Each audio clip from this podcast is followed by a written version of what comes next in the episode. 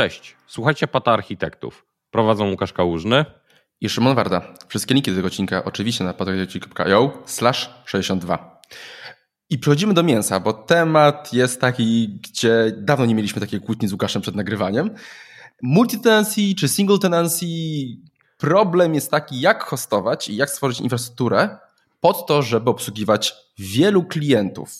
Tak, i teraz powiedzmy sobie o dwóch podejściach, bo to była nasza największa kłótnia. Powiedzmy, są dwie perspektywy. Perspektywa operacyjno-biznesowa, to jest ważny punkt, że potrafimy dostarczyć nasz produkt dla wielu klientów jako usługę. I to jest pierwszy punkt widzenia. Drugi punkt widzenia jest to, czy architektonicznie jest to multitenancy. Tak. I to są dwa podziały. Dobra, przejdźmy sobie od razu do poziomów separacji, czyli w jaki sposób dokonujemy tego i sobie zaczniemy to tłumaczyć, te pojęcia. Dobrze. Najbardziej oczywisty jest taki, że dzielimy to w kodzie. Teraz co rozumiem przez dzielimy to w kodzie? Czyli, że mamy instancję aplikacji, która już w kodzie, w dotnecie, w czymkolwiek Javie, na poziomie z reguły jakiegoś headera, z reguły jakiegoś tokenu, który pobierze, wybiera ten token i wszystkie requesty, które będzie zapytywała dane, bo te dane są najbardziej wrażliwe, będzie robiła z tym filtrem. Z reguły jakimś client ID albo coś w tym stylu. Czyli de facto to deweloperzy odpowiadają za to, żeby nie było dostępu z tenanta A do danej tenanta B. Dwa. Tak naprawdę. Czyli tenant to jest dzierżawca po polsku ładnie, czyli po prostu przestrzeń naszego klienta, którą mu e, dedykujemy. Więc całość i ta rzecz na poziomie kodu to rynkowo, architektonicznie, technologicznie to jest właśnie to, co nazywamy multi-tenancy z punktu widzenia architektury. Tak. To jest takie istotne z punktu widzenia architektury. Biznesowo to wszystko zależy od naszego modelu operacyjnego. Tak, czyli dla mnie to na przykład jesteśmy fakturownia albo jakieś takie systemy właśnie do wystawiania faktur. To jest takie super właśnie przykład, żeby nie chcielibyśmy widzieć nasz y, faktur innej osoby, albo żeby ktoś widział nasze faktury de facto. Rzuciłbym jeszcze Office 365 czy Google Workspace'a do tego worka. Zgadza się jak najbardziej. Dobrze. Kolejny poziom separacji to są poziomy danych. I tu mamy tak, albo mamy wszystko w jednej bazie, i de facto tylko na poziomie tabeli, de facto mamy tam client ID albo jakoś wyciągamy. Na poziomie per schemat, czyli mamy inne, mamy inne prefiksy do schematów, ale same schematy w jednej bazie danych. I kolejny podział to jest, mamy różne bazy danych dla różnych tenantów. I jedną rzecz dodam. Tu mówimy, ja użyłem określenia bazy danych, ale to też może tyczyć się takich rzeczy jak storage, rzeczy generalnie ogólno szeroko pojętych danych, key vaultów, tak dalej, tak. Więc wszystkiego, co zapisujemy de facto. Tak, i model, jeżeli popatrzymy sobie, mm, implementacyjny, to tu jest bardzo ważny podział, czy to jest B2C, czy B2B. Czyli to jest, czy klient końcowy jest takim Kowalskim, weźmy AK Gmail, czy klient jest w jakimś bardzo dedykowanym, specyficznym softie typu B2B. I o co chodzi? Przypadku takiego typowego B2C nie mamy żadnego podziału, bo chcemy jak najbardziej przerzucić to na kod, żeby było jak, jak najtańsze, jak najbardziej kombinować z infrastrukturą pod spodem. Jeżeli chodzi o rozwiązania typu B2B, i te multitenancy z poziomu kodu przyjmuje się takie założenie, że jeżeli mamy multitenancy na poziomie kodu, to zazwyczaj ten podział powinien być per baza danych. Trochę, trochę jeszcze wybiegasz, trochę wybiegasz od tego, tak. jak to powinno być, ale jeszcze, bo tu mieliśmy dalszy temat, gdzie to faktycznie nie jest poziomem separacji, ale ja to nazywam poziomem upewnienia się, że ta separacja jest w porządku generalnie, albo jeżeli mamy pe pewne modele. Czyli możemy jeszcze mieć rozmowę, czy kom nasz komputer, czyli faktyczne maszyny wirtualne, czy one są współdzielone, czy każdy ma sobie wydzielone maszyny. I tutaj słuszna uwaga Łukasza generalnie, że to już ma sens tylko i wyłącznie przy B2B, jeżeli nasz klient wystawia pokaźne faktury. I kolejna opcja, czy separujemy sieci tak naprawdę, czy upewniamy się, żeby tenant A nie był w stanie wykonać żadnego requestu do, do sieci tenanta B. Tak. I to już są dedicated tenanty albo single tenanty.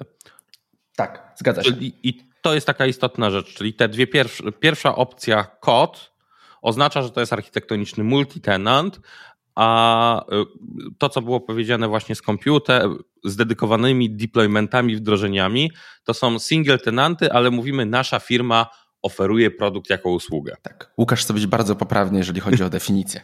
Ja trochę mniej na nią patrzę. Dobra, teraz idziemy na sposoby implementacji. W kodzie powiedzieliśmy sobie już, jak to, jak to działa. Teraz na, na poziomie platformy. I tu mamy kilka opcji. Możemy sobie na poziomie Będziemy często powoływali się na Kubernetesa, bo tam te pojęcia są znane i mniej więcej najczęściej takie platformy będą robione na Kubernetesie. W jakiejś odmianie podejrzewam. Możemy na ingresie porozdzielać sobie ładnie.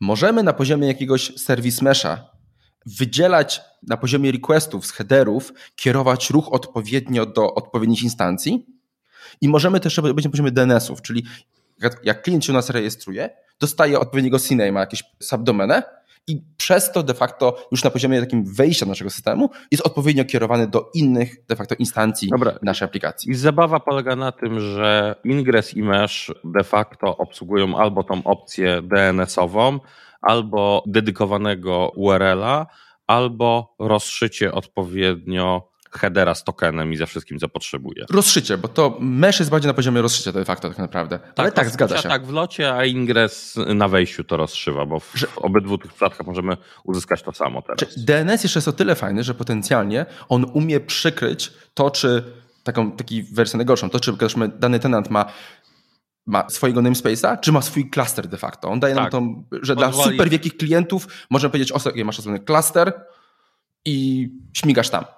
Tak, dokładnie i nie bawisz się też w routing tego jeszcze przed, czyli jakiś bramkę wyjściową na całość i rozszywanie.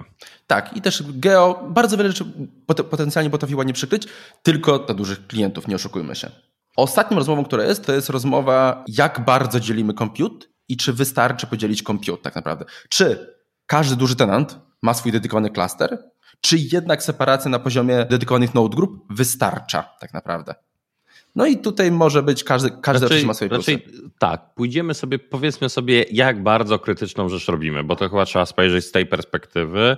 Powiedzmy sobie szczerze, to zależy, jak bardzo możemy zostać też zaatakowani, bo to też trzeba sobie popatrzeć z tej perspektywy, albo jak bardzo kiepsko implementujemy Kubernetesa, bo jeżeli robimy dedykowane node grupy, przykładowo, czyli wydzielamy dla klienta na klasie dedykowane node grupy, oznacza to, że w teorii umiemy coś w Kubernetesa, bo powinniśmy zrobić, na przykład jeżeli mówimy o hostowaniu tego Kubernetesie, bo powinniśmy umieć użyć network policy, namespace'ów, innych takich elementów, co oznacza, że z mojej perspektywy Poza tym, że jeżeli to są rzeczy zasobożerne w CPU i musimy to robić tam quality of service taki mocny, to de facto no nie ma to sensu. Lepiej już, jeżeli w szczególności hostujemy się w cloudzie, lepiej skolokować to ze sobą. Okej, okay. Bo teraz powoli wychodzi nam inna perspektywa, z której patrzymy de facto. Ja patrzę z perspektywy tego, czy ufam moim deweloperom, żeby się nie machnęli i żeby przetestowali poprawnie, że naprawdę wszystkie requesty nie idą do innego tenanta, albo że przez przypadek na przykład ktoś z cache'a, to jest też kolejna opcja, budujemy cache, wiadomo, dla, dla każdego tenanta, z reguły jakieś dane cache'owe będą i ktoś nagle nie pobierze wszystkich kluczy z cache'a. Bo deweloperzy lokalnie, nie oszukujmy się, będą testowali to na jednym tenancie. Nie zmusimy ich, żeby lokalnie testowali to na wielu tenantach, więc szansa, że ten taki mały błąd, brak jednego ifa, albo innego enda, albo jednego where'a spowoduje nam wyciek danych, bo to w tej perspektywie mnie przeraża najbardziej, jest dość duża dla mnie i nie ufam. Zresztą to ma różnicę. Jaka Łukasz zdecydowanie woli mieć to w jednym serwisie na poziomie kodu, bo dawno już z deweloperami chyba nie pracował. Natomiast ja dużo częściej i mówię, nie ma tej opcji. Ta separacja dla mnie jest dużo bardziej ważniejsza. Też może dlatego, że bardziej sektor finansowy tak naprawdę. Ale dobra, zejdźmy sobie, wróćmy do tego poszczególnego. Właśnie, jeżeli masz wydzielanie dedykowanych instancji komputa w jednym klastrze, na przykład kubernetesowym, no to w mojej perspektywie, jeżeli musisz to zabezpieczyć, to poza tym, że potrzebuję dedykowaną moc obliczeniową, to jeżeli ktoś mi ucieknie z workloadu, czy cokolwiek się stanie, to i tak może pohasać po całym klastrze. Zgadza się. Dla mnie dedykowane node grupy de facto są o tyle problematyczne, że w tym momencie totalnie nie oszczędzamy i nie, nie robimy większej utylizacji tego, za co płacimy, czyli naszej maszyny wirtualnej. Mamy dwa problemy w jednym. Tak. I co więcej, i to jest kosztowy de facto jeden element, ale drugi to jest taki, że jak nam coś, mamy większy klaster, mamy duży klaster, ale jak każdy klient ma, nie wiem, trzy maszyny wirtualne, to de facto tam mamy bardzo niski poziom resiliency. To jak nam ta jedna, masz, jedna wirtualka padnie, to node się nie, czy workloady się nie przerzucą na, na inne Czyli wirtualki i to nie ma większego Prościej sensu. mieć 30-nodowy klaster niż klaster pocięty na 10 takich przestrzeni. Tak, dokładnie, bo to jest po prostu bardziej odporne i to ma większy sens, a przy odpowiedniej skali rzeczy będą się działy. I niestety, z tego, że będziemy mieli wielki klaster, jeżeli padnięcie jednej maszyny wyłącza nam usługę dla innego klienta. Dobra. Potem ten dedykowany klaster, no to jak klient za to płaci, no to wtedy idziemy w takie rzeczy. Tak, dokładnie. To, to już wymagałoby, jak to ty ładnie określasz, wysokiego poziomu paranoi, że klient faktycznie niczemu nie ufa i musi być. Tak, jedna rzecz, którą można zapewnić, to jest feature biznesowy, to nazwijmy, taka przewaga feature technologiczny, który dajemy. Jeżeli mamy takie dedykowane na przykład klastry, mówimy, że drogi kliencie, w ogóle dedykowane komputery i inne rzeczy, na przykład drogi kliencie, możemy zaszyfrować dane twoimi kluczami. Znaczy, jest jeszcze jeden case który ja też widuję zapotrzebowanie na, te, na takie u, u, przypadki, że tworzymy managed service, czyli y, y, tworzymy serwis, który generalnie mówimy klientowi, ok, zdeployujemy go cię subskrypcji, bo tak czasami bezpieczeństwo chce, ale my nim zarządzamy. W tym momencie mamy osobny klaster, bo on jest poza naszą subskrypcją, my nim zarządzamy i faktycznie jest osobny. To jest też czasami życzenie biznesowe tak naprawdę, że to się pojawia. I ma to swoje zastosowanie z punktu widzenia bezpieczników, powiedzmy sobie szczerze, dla krytycznych systemów. Dobra. Kolejny sposób to jest miksowanie tego wszystkiego.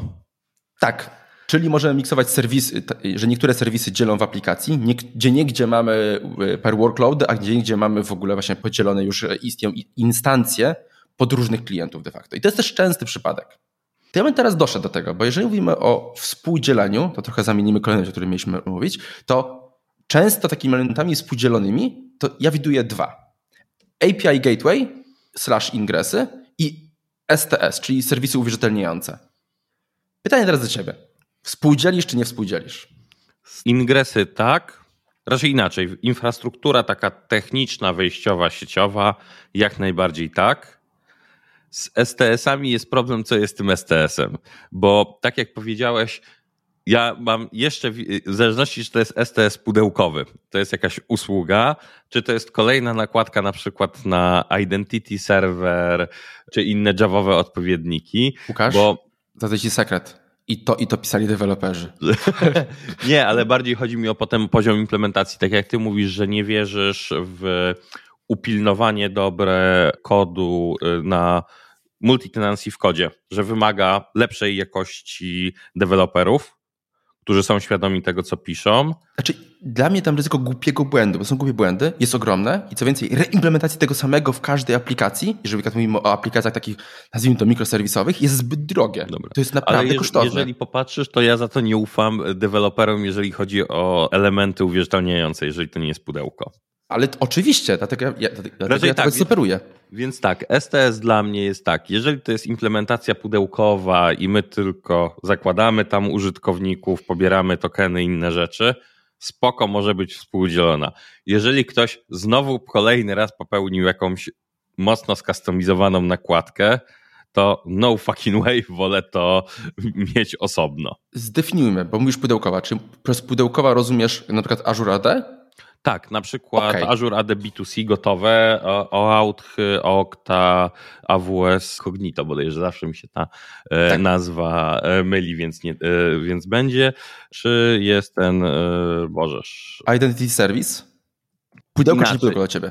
Jeżeli jest w wersji teraz tej komercyjnej pudełkowej, gdzie tylko do niego strzelam po API i wstrzykuję konfigurację, to tak, a jeżeli ktoś dorobił tam swoje znowu sporo swojej logiki i kodu dorobił do tego, to wolę mieć to dedykowane. Okej, okay, to ja mam, widzę pewną prawidłowość w tym, co mówisz. To, że tożsamość i STS-y, które sami hostujemy, to temu nie ufasz, a to, gdzie strzelamy do usługi, de facto ufasz. I ja bym się z tym zgodził. Tak, dla mnie to w tej, przy tym podziale no, możemy dyskutować jak najbardziej.